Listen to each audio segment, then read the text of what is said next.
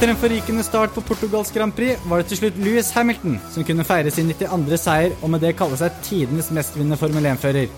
Gode prestasjoner fra Charles Leclerc, Pierre Gasly og Carlos Sainz gjorde også kampen i midtfeltet tettere enn på lenge. I tillegg har Gunther Steiner og Haas bestemt seg for å bytte ut Magnussen og Grosjean. Hvem skal inn? Hva har dette å si for resten av førermarkedet? Dette er noe av det vi skal diskutere i dagens episode. Men først, Jakob. Louis Hamilton er tidenes mestvinnende Formel 1-fører. Er det bare å ta av seg hatten for dette? Det er bare å bøye seg i hatten, som Heidi Weng ville sagt. Det er, eh, det er et historisk eh, øyeblikk, og når han går i mål der med 92 seire, den kule redigeringa de hadde, med alle bilene fra alle seierne Det er helt, eh, helt surrealistisk, nesten, at noen går forbi Michael Schumacher. Han har da gått forbi Michael Schumacher på antall seire, men kan vi si han er den største? Nå er, kjøres det jo flere løp enn det de gjorde på Schumachers tid. Var Schumacher mer dominerende? Han var ikke det, fordi uh, Louis Hamilton har høyere vinnerprosent, faktisk, enn uh, Michael Schumacher. Louis Hamilton har 35 uh, av seierne, og Michael Schumacher har 29% så um, Louis Hamilton har faktisk vært mer dominerende. Om han er større Det diskuteres jo opp og ned i mente. Jeg mener at han må i hvert fall ha flere eh, VM-titler. Enten like mange eller flere. Han kommer jo til å få like mange i år. Og da kan vi begynne å diskutere det, mener jeg. Tror du han tar en til neste år, sånn at han går over på VM-titler også? Det er, det er, det jeg ville satt penga på, for å si det sånn. Det, det ser eh, meget lovende ut med omtrent, eh, omtrent eh, like reguleringer neste år, og Mercedes er jo godt i gang med den nye bilen. Men Louis Hamilton vant altså da Portugal Grand Prix på Portimao-banen på Algarvekysten. Et veldig morsomt løp på en bane vi ikke har sett. Jeg vil si at det, det, her var den banen som imponerte mest av de nye i, på årets kalender. Og jeg tror alle fikk bakoversveis av den starten som det løpet hadde. Og sånn som den banen er, med Doseringer opp og ned. og ja. sånne ting. Det var utrolig kult. Og du snakket om starten. Science, Norris, Raikon Herregud, for en start disse gutta fikk. Og plutselig så var Science og Norris helt oppe i tet, og Raikon, hvor mange plasser var han klatret igjen? Det var ti, ti plasser, ikke sant? Uh. Det er jo helt sykt.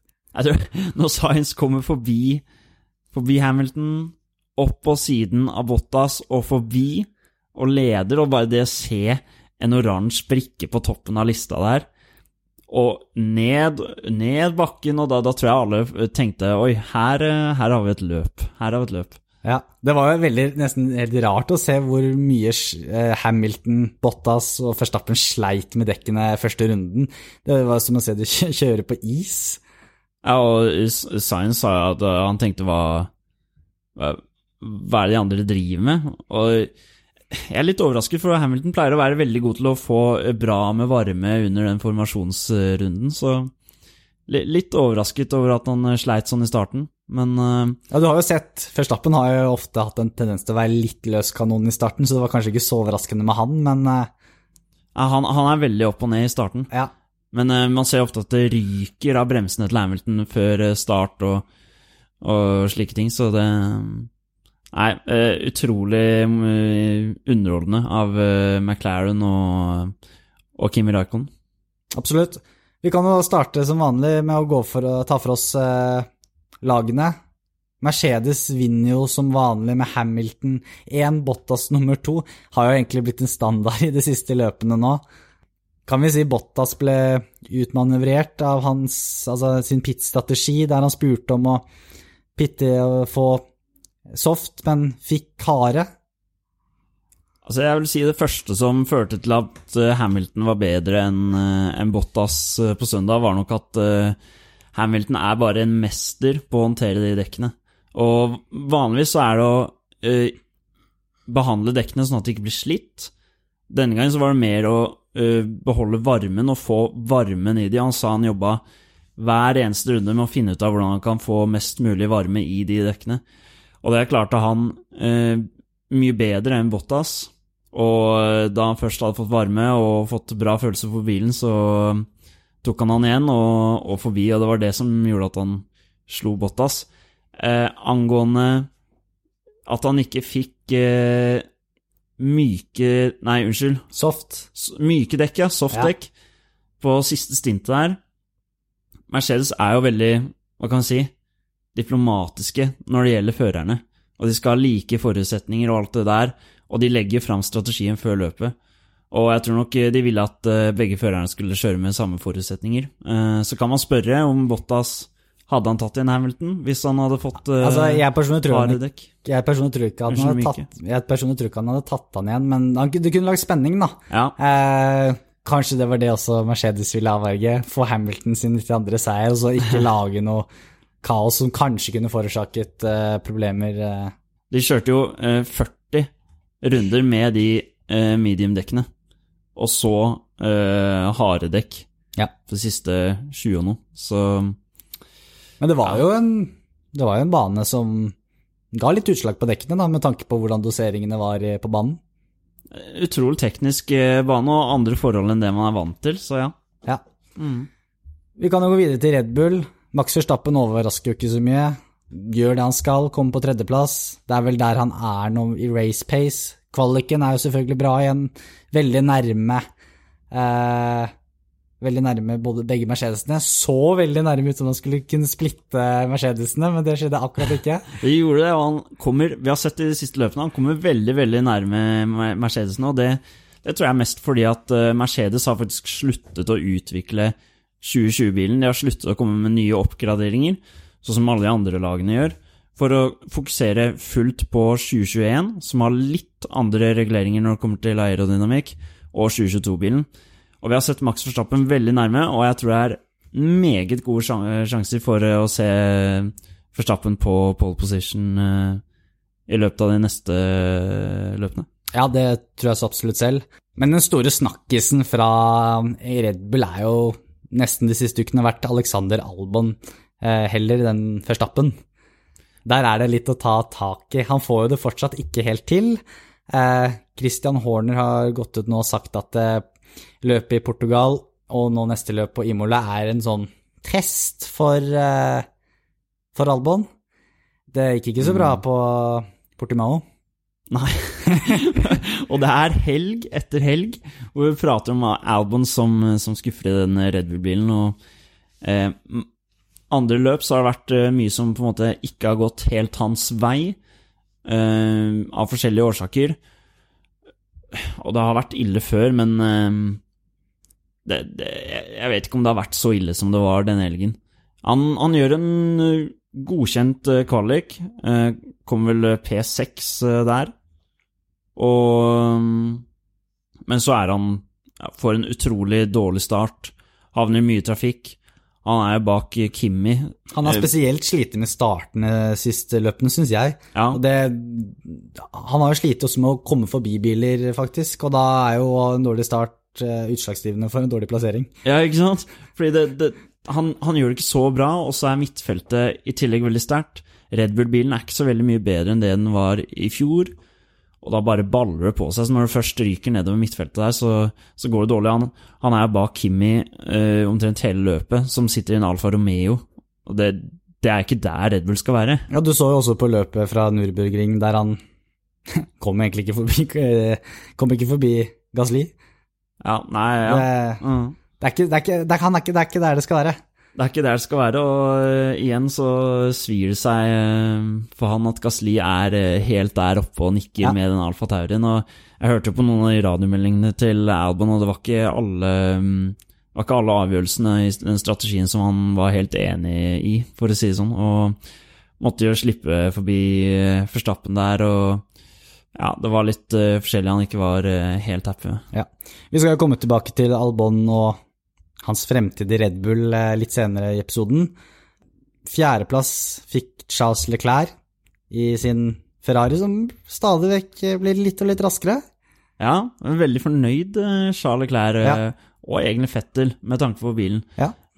Så altså vi, vi prater om Albon hver helg, om hvor dårlig han gjør det, og vi prater om Leclerc om hvor, hvordan han overpresterer i den bilen. Og de gjør små oppgraderinger for hver helg og blir bedre og bedre. Han sank litt ned på lista i den kaotiske starten her, men eh, han var tålmodig og fikk etter hvert eh, varme i de dekka. Og, Kjørte seg veldig bra opp. mm, Fettel har jo nå sagt, han sa den helgen, at eh, ja, Charles Leclerc han, han er i en annen liga enn meg. Og det, det er litt, eh, jeg må si, litt gøy å høre. Ja, Det skal også nevnes at eh, Sebastian Fettel fikk ett poeng denne helgen, så det Ja. var jo Det er, det er ikke hver helg Det er ikke hver helg, det, så det skåre skåre poeng på begge gutta, det, det, Ja. det får de ta med seg. Ja, Så får håpe det blir eh, bedre tilstander i, på Imola neste helg. ja. eh, Helt surrealistisk da, å se Fettel komme på ja, 15.-plass i kvaliken bak Russell i en Williams. Ja, det er jo veldig gøy å se også at Williams faktisk kommer til Q2 da, denne gang. Ja, Hvis vi skal ta noe fra kvaliken også, det er Ja. kjempegøy. Eh, Du har jo også da McLaren, som også hadde en ganske ok helg. Carlos Sainz eh, ender på sjetteplass. Skal vi si at eh, Eller kan, kan han være skuffet etter den starten han fikk, og ende på sjetteplass, eller bør, bør, bør han være fornøyd med det? Jeg tror han alt i alt er fornøyd, for det har ikke gått helt veien i, i mange av de løpene i år.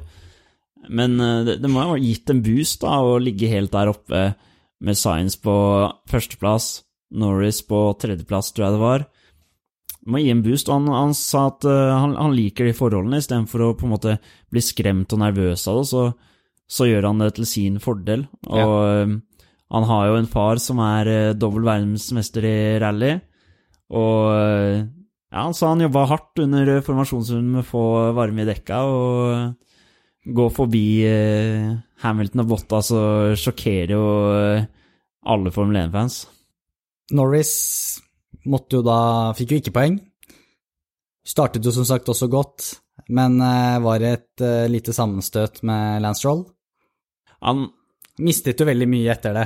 han gjør det, fordi han lå vel på en syvendeplass, der hvor, eh, hvor han Stroll bak seg. Stroll eh, er nok litt for modig, selv om han eh, kanskje hadde hakket bedre pace enn Norris, så går han hardt inn i, i svingen eh, på Norris, som var, kom helt uh, uventa, og Norris må jo bytte frontvinge og ender på en skuffende 13.-plass, må man si, denne helgen. Jeg syns det virker som om Norris veldig ofte når han Det går litt imot, da, og han detter veldig ned på resultatlista, så klarer han ikke på en måte å hente seg igjen og klatre noe særlig etter det, da. Han blir veldig hengende nedi gjørma, da, utenfor poengene, hvis han først går utenfor. Ja, og så, ja Er det noe som kanskje skal bli bedre med at han blir eh, mer sikker på seg selv og får mer erfaring?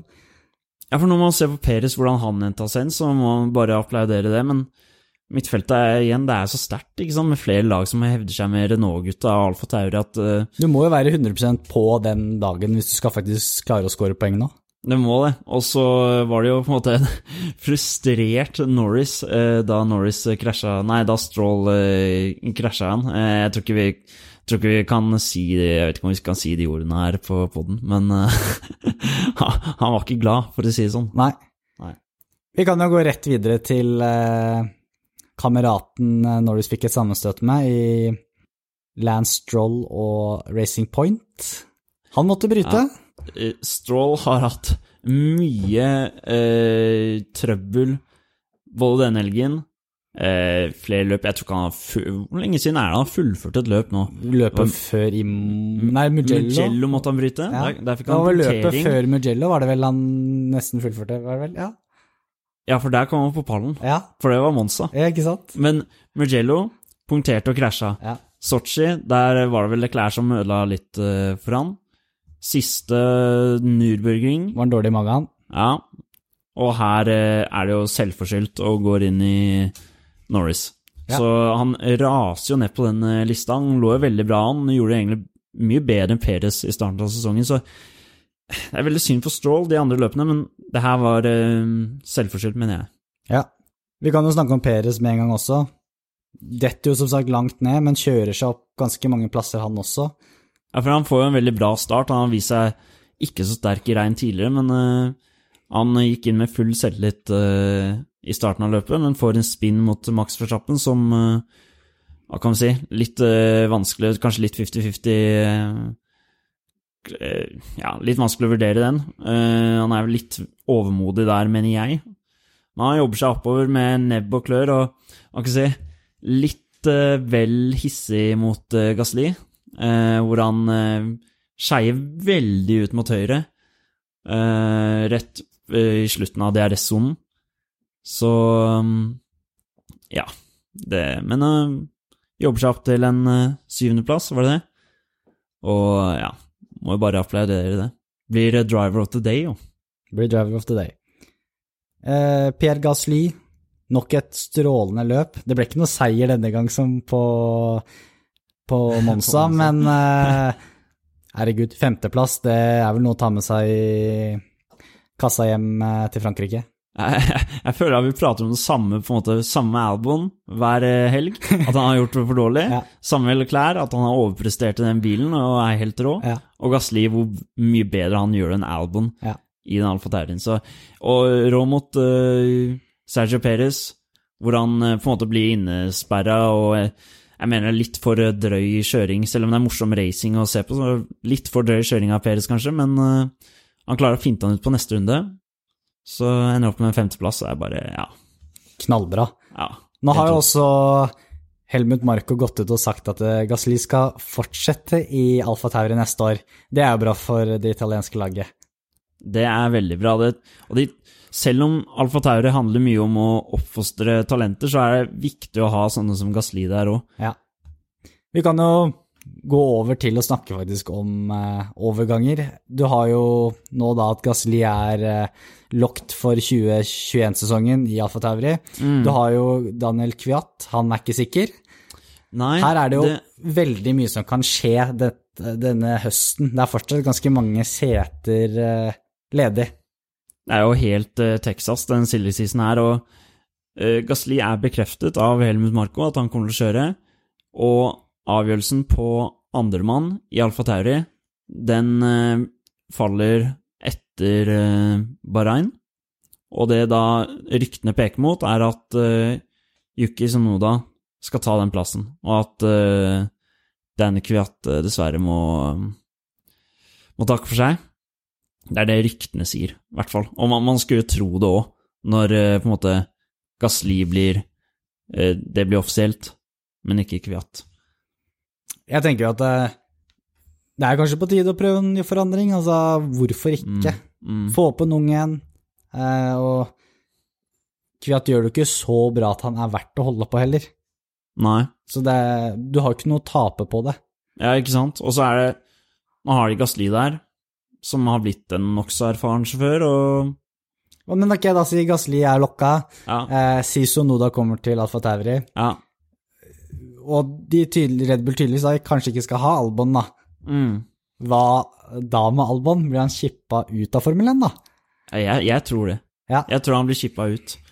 Uh, nå har jo, uh, som du sa i stad, uh, Christian Horner gått ut og sagt at det løpet som var, og det neste løpet på Imola, det blir på en måte det avgjørende for Albon sin, sin karriere i Red Bull. Men jeg, jeg syns vi må rose Red Bull for hvordan de har håndtert situasjonen med Albon. For de har gitt han tid, og de har støtta han. Christian Horner har forsvart han omtrent hver eneste helg. Det eneste man kan kanskje kritisere han for, er å kanskje ta han opp litt for tidlig. Men eh, Og de, og de sier at de vil at Albon skal klare å forsvare den plassen, da. Ja, altså Det mest økonomiske for det også er jo å ha Albon der som faktisk leverer. Ja, ikke sant? Og, og så er det ofte sånn Det med overgangsrykter, hvem som skal få sete, det, det virker som et litt sånn derre ømt tema, da, og noe de ikke vil prate noe særlig om. Men det er fortsatt en del av businessen. altså Det, må jo, det skal, må- skal jo til. Ja, ikke sant? Og så, og så ser man hvordan Albon har prestert, og alle vet jo at det er altfor dårlig, og istedenfor at, det bare, at de bare ikke vil kommentere det i det hele tatt, så går eh, Christian Horner ut og sier at eh, vi vil at Albon skal klare det settet, og vi, vi prøver å hjelpe ham med det. Hvis han ikke fortsetter å prestere, så, så, så må vi jo bare hente noen fra utsiden. Ja, Og det- er det, Jeg leste også i en artikkel at de er åpne for å hente noen fra utsiden, og det ser vel kanskje ut som det blir Nirko Hulkenberg eventuelt. Ja, jeg, jeg tror det peker mest mot han. Ja, jeg tror han kanskje er litt øh, bedre På en måte går litt bedre overens med Max. ja En bedre andreførerkandidat enn f.eks. Peres. Ja, e- enig der. Enig der. Så hvis, hvis vi skal tippe på det Red Bull uh, Alfa Tauri-systemet, så det er, det er ikke sånn at Jeg tror helt ærlig at Albon nesten må vinne det neste løpet, hvis det skal være noe sjanse. Eller pall. Eller pall. Jeg tror sånn helt ærlig at Red Bull forventer ikke at Albon skal vinne, bare han kommer pall, eller topp fire. Ja, bare han beviser seg som en god sjåfør, men Ja, han er jo Altså, han ikke er best of the rest, liksom. Det, det er det jeg tror bekymrer eh, Red Bull mest, da. mm. Eh, Men nå har han jo levert så mye dårlige løp at om han leverer ett bra løp, så er det ikke sånn at, nei, sånn at det er nok. men da kan du jo vente da til Bahrain, da.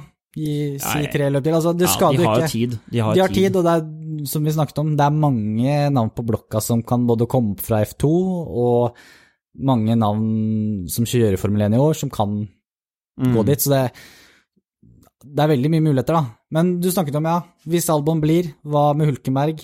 Har han et annet sted enn et eventuelt Red Bull-sete å gå?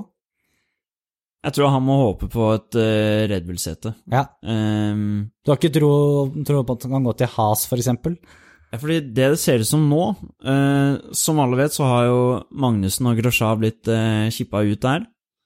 Og de kandidatene vi har til Has da, det er da eh, Nikita Maspin, Robert Schweizmann, Mick Schumacher, Callum Milot. Det er de fire fra Formel 2. Og så er det da Sergio Perez og Nico Hulkenberg. Perez har jo gått ut og sagt at han egentlig ikke ønsker å gå ned et nivå i kvalitet på lag fra der han allerede er. Så det vil sannsynligvis tro at eh, han ikke har lyst til å gå til Has. Ja. Jeg vil jo tro at eh, hadde han hatt lyst til å gå til Has, så hadde det vært done deal allerede. ja, tror du det, da? Ja, han er en god Ja. fører, han har penger eh, i bakhånd.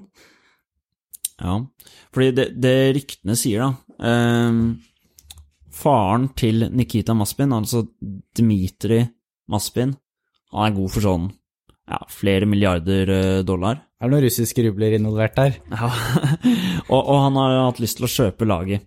Men Gene Haas, eieren, han har sagt at det er ikke til salgs. Men ryktene er jo da at eh, Nikita Maspin kommer til å ende opp der. Eh, faren sponser med masse penger, og Haas kan forbedre bilen betraktelig da, fra det det har vært de to siste åra.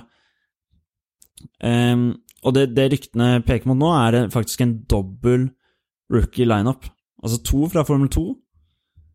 Og da vil jeg tippe at Nikita Maspin og Mick Schumacher ender opp der, faktisk. Ja, men er det, er det sketsj å ta opp en fra Formel 2 som ja, kommer på sjetteplass i sammendraget i Formel 2? Altså, Mick Schumacher er done deal, vil jeg si, da, hvis du skal ta opp en fra Formel Mm. 2, men ja, tydeligvis så handler det om mye penger. Ja, jeg tror- det er litt Det er ikke veldig populært hos oss eh, Formel 1-fans. Definitivt ikke. Men ehm, ja det, det, Hvis det kan heve bilen, så mm, Hvis man tar det svart på hvitt, så kanskje det er verdt det. Betydelig mer. Men Maspin er ikke noe dårlig sjåfør. Han er oppi der. Definitivt. Ja, så vi snakket jo da Mick Schumacher til Haas. Det var, har vært rykter egentlig helt siden i sommer at han egentlig skulle gå til Alfa Romeo, men det tyder jo mer og mer på at eh, både Kimi Raikon og Antonio Giovinazzi kommer til å kjøre der også neste år. Ja, det er det det eh, peker mot nå. Og Kimi Raikon er vi jo glad for eh, at han fortsetter. Vi, vi vil jo ikke miste Kimi. Mm. Men uh, Giovinazzi, der uh, må jeg stusse litt. Fordi hvis det er sånn at eh, Det er jo Ferrari som på en måte har et ord med der, da. Det er, det er deres sete. Og det er jo for å, for å oppfostre talenter der. Og jeg, jeg tror ikke Giovinazzi Giovinazzi har ikke noe framtidig Ferrari-sete. Nei, det er det jeg også tenker, og jeg har litt samme tankegang her som eh, med Kviat, da. Du taper ikke på å bytte, bytte han ut, da. Nei, det eneste jeg liksom ser sånn Altså, vi glemmer veldig det som fans igjen, da, er Mm. at uh, Giovinazzi er en italiener, Mm. uh, og Ferrari er italiensk. Altså, ja, det er ikke sikkert han kommer for et Ferrari-sete noen gang, men det å ha en italiener på griden, det betyr mye for Ferrari, sikkert. Mm. Uh, og det kan spille inn. Ja, det, det kan helt klart spille inn. En annen ting jeg tenkte på, var uh, Mick Schumacher, som nå jeg vil si er den som har bevist seg best, eller i hvert fall utviklet seg best i Formel 2. Ja. De har jo en så bra sjanse til å ta han, til å ta opp han. Da får han et Ferrari-sete. Hvorfor ikke? Altså, det her kan jo være mye på innsiden som foregår, og masse grunner, men Jeg stusser litt over det, må jeg si. Så ut ifra sånn som vi snakker nå, så ser det ut som om egentlig Sergio Perez og kanskje Alexander Albon ikke skal kjøre Formel 1 neste år, da. Det kan faktisk se sånn ut. Ja. Det, er litt, eh, det er litt rart å si at Perez ikke kommer til å kjøre Formel 1 neste år, men det vet vi jo vet ikke, da. Vi får se Nei, hvordan nei, det går. altså dette her er bare hva vi tror. Ja. Eh, så kan jo dere også der hjemme som lytter også kanskje tenke litt og se, tenke hva dere tror. Eh, Men eh, skal jo også verdt å nevne at det er jo et ledig sett i Mercedes òg, da. Kanskje Perez hopper dit? Nei da, vi tror vel kanskje ikke det. Nei, men eh, ja, du, du sier noe der at eh, Hamilton og Toto Wolff, for den saks skyld, har fortsatt ikke skrevet uh, kontrakt med Mercedes for uh, 2021. Men tror du Hamilton tar en ettårskontrakt for bare 2021, eller tror du han tar lenger? Nei, han skriver sikkert en to år, tenker jeg. Mm. Ja. Tror du han vil fortsette på til 2022? Eller vet du hva, det er jo så mye nytt som skjer i 2022, så det er ganske safe for han da. Si han vinner i år, sammenlagt i år, vinner sammenlagt neste år. Mm. Da har han den rekorden også. Ja, da Fin måte, på, fin måte å avslutte på, og så slipper du da å være usikker på hvordan bilen presterer når alle reglene er nye, Ja, ikke sant? og bilen er helt ny. Det kan jo funke, det. det, det den er fin å tenke på. Ja, da kommer Russell inn. Da der, kommer Russell inn. der kommer Russell inn. Ja. Eh, et annet rykte er jo eh, at eh, Peres skal ta sete til Russell neste år. I 2021? I 2021. Ja. Mm, Nei, det tror jeg ikke skjer. nei. Jeg, jeg håper ikke det skjer. Eh, og det er jo en teori her som Williams har kommet med, eller i hvert fall Russell, at eh, det her var folka til Peres som har satt ut det ryktet her, om at hans sete er i fare for å få fart på Red Bull. At de skal eh, få opp farta og, og eh, forhåpentligvis signere Peres. Så han, eh, han selger seg kostbar, rett og slett. Ja. Nei, jeg, jeg tror de nye eierne gjør smart i å Altså, de nye eierne av Williams gjør smart i å beholde de to de har, Mm. og bygge videre på det. Det er de som kjenner bilen best. Det er ikke så mye forandringer til neste år. Jeg tror det er det lureste. Så kan man heller eventuelt bytte ut etter 2021, da. Mm. Eh, Ja. Når ting er litt nytt igjen. Ja. Det er vel det jeg tenker. ja. Og så er det sånn Du ser jo faktisk at Russell får litt ut av den bilen. Ja, han har ikke scora poeng, men det er jo ikke sist lenger. Det er jo masse forbedringer der fra i fjor. Du må jo se på det sånn. Ja, ja, ja.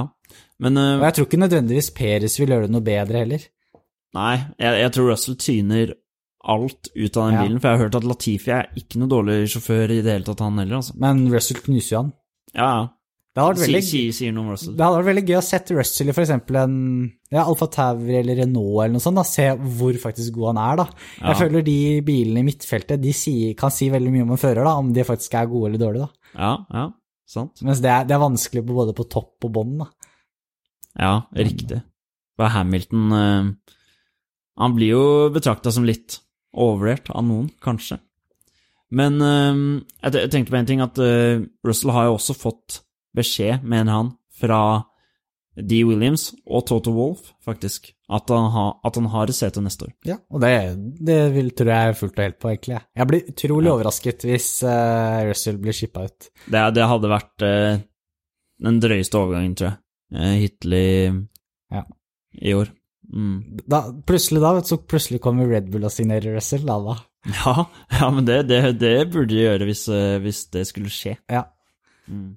ja. Har vi noe mer å legge til på overgangsryktene, eller er det ganske satt for nå?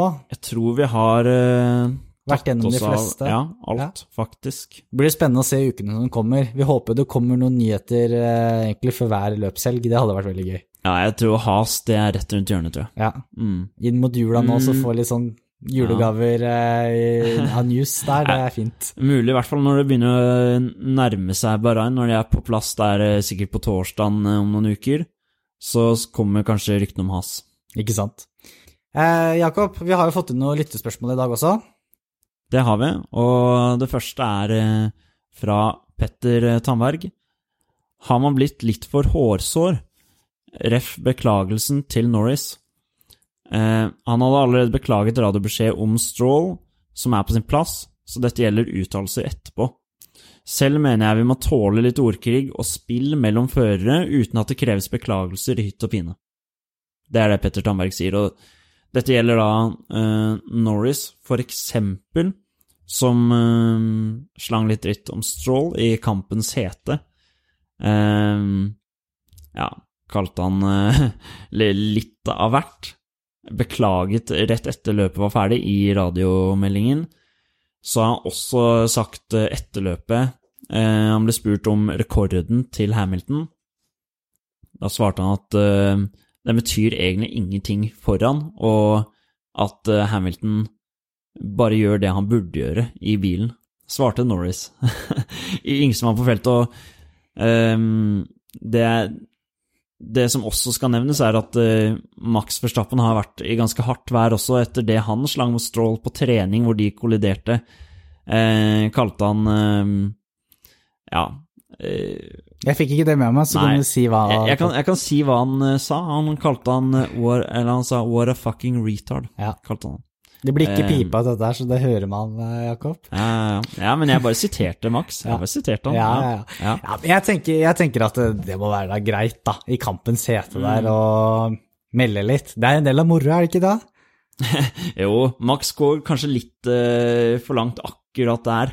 Uh, og i hvert fall ikke når han, han kommer jo ikke med noen beklagelser seinere, Uh, i kjent Max. Jeg tenker litt sånn, sånn som det med Norris, da, at han driver og sier det om Hamilton sånn etterpå, det, er- det er litt unødvendig. Mm. Eh, det som skjer i kampens hete, det tenker jeg at bør være greit, egentlig. mm. Ja.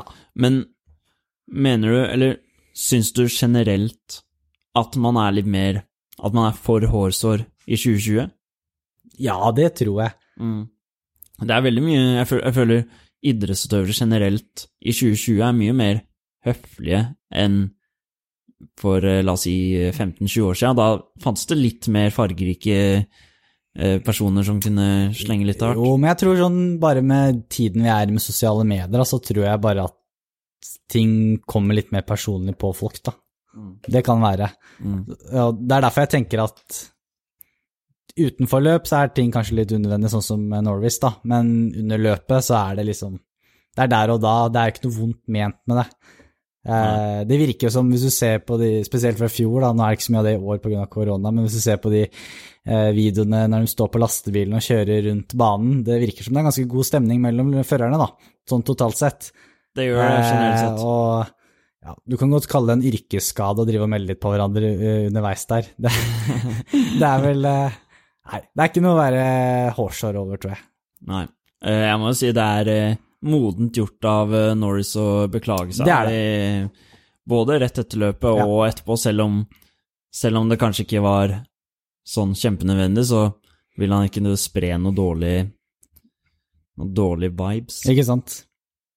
Um, men det, det ser ut som britene reagerer litt mer på det Max Verstappen sa eh, Ja. mot Stroll, fordi de, siden de har det som morsmål, og vi, vi som ikke har engelsk som mors, som morsmål, vi er kanskje vant til å høre det mer som et Altså, Ja, men det treffer ikke oss like Nei, hardt. det, det kan være sant. Ja. Ja, det, det, det er et godt poeng. Um, så har vi et spørsmål fra um, han eh, som ikke er her i dag. Ja, det har vi nesten glemt å si. Vi er bare glemt. to i dag. vi er bare to i dag. Det var så god stemning på starten av episoden i dag, eh, men eh, nei, vi er kun to i dag. Stian Hattevold er bortreist for uh, uka. Ja, så vi har uh, lyttespørsmål fra han. Alltid hyggelig å få uh, noen spørsmål fra våre fans. Ja, ja, ja. Han spør da hva gjorde Portugal mer spennende enn Spania? Med en ser på banene er de nokså like utenom høydeforskjellen, sier Rattevold. Eh, det er jo mer doseringer eh, og sånne ting i Portugalbanen. Mm, det nevner han jo på en måte, med Ja. høydeforskjellene. Å ja, eh, men eh, jeg vet ikke. Den traff bare bedre. Altså, jo, jeg tror det også har noe å si, da. Det var jo en bane vi ikke har sett før, eh, så alt er bedre første gang. Ja, Og det er jo en, også en bane førerne ikke har vært så mye på. Eh, så folk vil jo Og det er jo en, noe vi som fans glemmer, da, at de har jo ikke kjørt så mye på den. Så hvordan faktisk førerne tar banen under kvalifisering og løp, vil jo være forskjellig ut ifra forutsetningene. ja. Eh, så jeg tror kanskje med tiden så vil jo banen sikkert bli kjedeligere enn det vi så i dette løpet, men fordi rett og slett teamene får mer data på den. Men vet ikke, den er bare rett og slett bedre. Ja, og så var det bra bredde på den, for Ja. jeg syns vi kan ofte se det på litt eldre baner at øhm, Det er smalt. smale. Ja, det var, Imola er også veldig smal. det var mye muligheter for forbikjøringer, da. Det var det. Ja. Uh, og i tillegg så Barcelona har noen sjikaner der hvor det er helt umulig å komme forbi. Mm. Hvor det er uh, 17. mai-tog. Så Men det er, det er ikke det ganske typisk egentlig gamle baner å ha en del sånne? jo.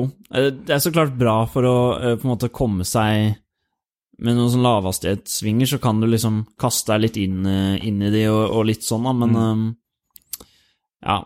Portimao eh, imponerer. Ja, den gjorde det, så jeg, håper den blir med videre. Ja. Men igjen, da, som sagt, den kan bli kjedelig med årene, når lagene får mer erfaring på den. ja. Men eh, Nei, det var gøy. Vi spurte faktisk eh, lytterne våre om det her eh, på Twitter, at eh, hvis du kunne velge, ville du hatt Portimao på kalenderen i 2021? Og da svarte 85% svarte ja, og 15 svarte nei. Altså, jeg skjønner veldig godt de 85 jeg, så jeg er Ja. enig med de. Støtter det. Støtter det. Mm. Imola, Ja, det er jo neste løp, det er neste løp, allerede neste helg. ikke sant?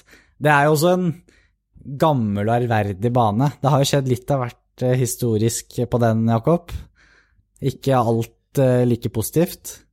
Ja, det har det, for det er jo en eh, bane med nokså mye Formel 1-historie, men har ikke kjørt der siden 2006. Men som mange kjenner til, så var det en tragisk helg der i 1994 hvor ikoniske Ayrton Senna eh, kolliderte og døde. Og det var vel eh, i Tamborello-svingen hvor Ja. han eh, døde. Og dagen før døde jo eh, Roland Ratzenberger i, i da kvaliken. Ja. Så mye historie der. Heldigvis har bilene blitt sikrere med årene, for å si det sånn. ja, og det var vel eh, betongvegg eh, han eh, traff, så Ja. Men, Men- eh, ja. Jeg, jeg syns jo Mugello er jo Nei, Mugello, sier jeg. Eh, Imola er jo relativt Altså ser papiret ganske lik ut som Mugello, da, med tanke på at det er en del gruspartier ved siden av banen, i spesielt svingene, som gjør at eh, det skal ikke så mye til før du går utafor, og der kan det skje ganske mye, sånn som vi så på Mugello, da. ja, det, det er ganske gøy, så, og det er smal bane òg, litt Ja. smal. Så her kan det skje mye drama. og Italia og rødflagg ja, har jo vært gode venner i år. Um, så jeg veit ikke, hvis man skal komme med litt balls i spådom der. Lite poeng på Ferrari, sannsynligvis. Ja, En spådom. Så, Ja. Sånn som det har gått hittil i de, italienske løpene. Ja, Um, de kjenner kanskje banen eh, godt, men spørs hvor mye det har å si. Det er for øvrig bare én trening før kvaliken på lørdag, så det skal vare en og en halv time. Blir gøy å se hvordan det funker. Det blir gøy. Ja. Så ehm, Og Michael Schumacher, som det prates mye om eh, for tida, han har hele syv seire der. Ayrton Senna tre. Så det er en historisk bane. Ja. Historisk bane. Så det, det ligger jo an til at det blir kanskje en ny seier til Mercedes. Eh, så det er jo spesielt i midtfeltet og kampen om egentlig tredjeplassen i konstruktørmesterskapet som er virkelig spennende i år. Ja. Eh, så det blir spennende å se hvordan det utarter seg videre. Det blir det. Eh, vi har jo også da ris og ros denne uken. Det blir ikke noe quiz denne uken, så vi avslutter uh, med ris og ros, Jakob. Ja, det gjør vi. Siden det er bare oss to, så dropper vi quizen i dag. Ja, det, det er for så vidt greit. Sparer vi den til neste, til neste neste gang Stian er med. Ja. Uh, vi kan jo da starte som vanlig med ris. Skal jeg si min først? Kjør på. Du har jo egentlig rosa Red Bull litt da, eller tidligere i Mm. episoden for hvordan de har behandla Albon, men jeg riser egentlig litt. Ja, du riser litt. Ja, jeg syns det Kan de liksom ikke gi et konkret svar til for han og ut i media og si enten så er du med, eller så er du ikke. Jeg Mm. føler Å sette en fører eller en idrettsutøver i den posisjonen Albon får nå, da, det skal veldig mye til for å på en måte lykkes, da. Mm. Med at du blir satt på spissen og sagt du må levere, da. Mm. Eh, Jeg vet at det, det er idrett er eh, kynisk og tøft, men Nei. Jeg, jeg, jeg er litt imponert over Christian Horner, for jeg syns de har vært Man kan kritisere de, hvordan de var mot Ricciardo og hvordan de var mot eh, Gasli, men jeg syns når, det gjelder, når det gjelder Albon, så har det vært uh, veldig tålmodig. Jeg er enig i at det er tøff situasjon for Albon nå, men uh, ja Det sier det vel litt som det er òg, men uh, ja. Ja. Du da? Ja, jeg har en ris, og det er vel til uh, Forstappen. Uh, ikke sånn voldsom ris, men uh, det han slenger i teamradioen der, og Vi må hu samtidig huske på at uh, ting som blir sagt i Formel 1, alt blir jo hørt. Alt som blir, hørt i den, alt som blir sagt i den bilen, blir eh, hørt. Eh, sånn er det ikke for mange andre idrettsutøvere. Så, men, eh, Men jeg lurer på De vet jo at alt blir hørt. Tror du det er som folk som er med ja, på Paradise Hotel, da? De glemmer litt kameraene. Eh, ja. De sitter sikkert ikke og tenker på når de kjører at nei, nå må jeg passe på hva jeg skal si, fordi det er jo alltid noen som hører. Jeg tror nok Max um, Enten så glemmer han det, det kan godt hende at han også er veldig klar over det, og at sinnet koker over, og at han da eh, pøser ut eh, gloser der um, for å få det ut, og raceingeniøren var litt sånn Ja, eh, det, det har ikke noe å si nå, det er ikke noe å gjøre noe med nå. Nei. Så ehm, liksom Men eh, man, man ser hvor ehm, Ron Norris er, og beklager og, og det, ditten og datten, men eh, det er liksom ingenting fra Forstappen. Nei. Så ja. Skal vi gi risen til Forstappen, da? Skal vi gjøre det? Ja, må skjerpe seg litt. Ja, må skjerpe seg litt, ja. Ja, det, er litt det er litt gøy òg, da. Vi, vi er jo, det er jo det vi liker Ja. Verstappen for òg, at han viser temperament, men eh, det går jo an å vise litt Ja, Ja. beherske seg litt. Ris til Forstappen denne gang. Eh, ros. Vil du starte med ros, eller? Ja, jeg har litt forskjellig ros eh, denne gangen, egentlig. Ja. Og Det første er jo vi prater om Forstappen for ordbruk, og så eh, må jeg gi ros til Norris nå. For Ja. å være hva kan jeg si, mer gentleman enn det man kan forvente av en. Eh, han eh, hva kan jeg si, han er vel den yngste på griden, og er artig kar som folk liker. Og har prestert veldig bra, men han har også, også viser seg moden, eh, moden og tar eh, selvkritikk, og det, det er ikke alle i den alderen som eh, klarer. ja. Mm. Har du flere? Du kan kjøre alle på en gang, du. Ja, så har jeg mekaniker, mekanikerne i Alfa Tauri. Uh, Gasli sin bil begynte jo å brenne på slutten av uh, trening nummer to på fredag. Ja, det har skjedd litt nå i siste, at biler har begynt å brenne litt. Ja, så han måtte jo bare skynde seg ut av bilen, han. Ja, han var rask der, da. han var rask der. um, de, de jobba hele natta og fikk den klar til uh, trening tre, og uh, han leverte jo uh, som vanlig. Så jeg må rose han. Mm.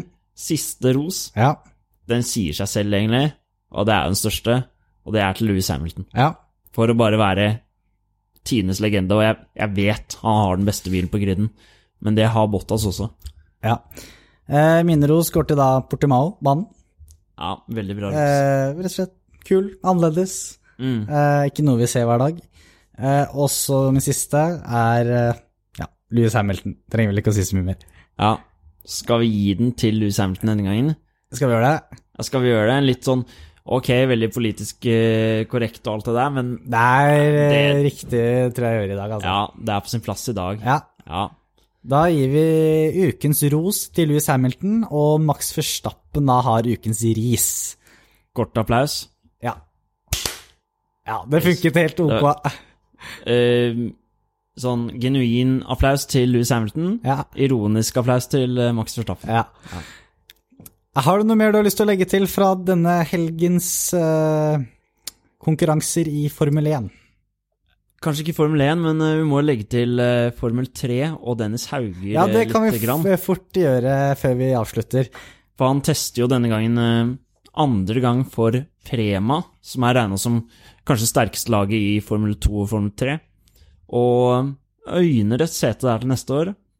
Han kom på andreplass på første trening i dag. Og litt glemt eh, trening. Var det fjerde? Det var rett bak uh, Arthur Leclerc. Ja. Men har gjort det veldig sterkt der. Og nå er det vel bare hvordan de penga kommer på plass, om det er Red Bull som, som, uh, penge, som uh, punger ut der, Ja. eller om det er eh, noen av Dennis sine sponsorer. Så hvis Helmut lytter nå, så er det bare å dra frem sjekkheftet. Ja, hvis han er litt mer eh, rolig nå, kan man si, og litt mer, tenker litt mer eh, Ja. ja.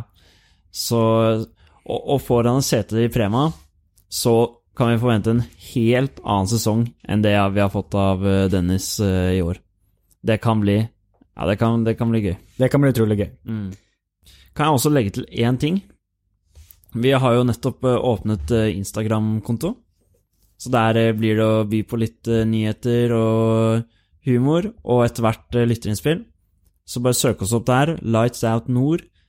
Så eh, er det mer, å, mer i vente der. Den er det Stian Hatlevold som har eh, passordet til, og er eh, som fører an. Han er sjefen der. Så følg oss gjerne der. Følg oss gjerne der. Da sier vi takk for nå, og så ses vi igjen allerede til uken, for det er jo da løpet på um, Imola i helgen. Så takk for nå. Takk for ha det bra.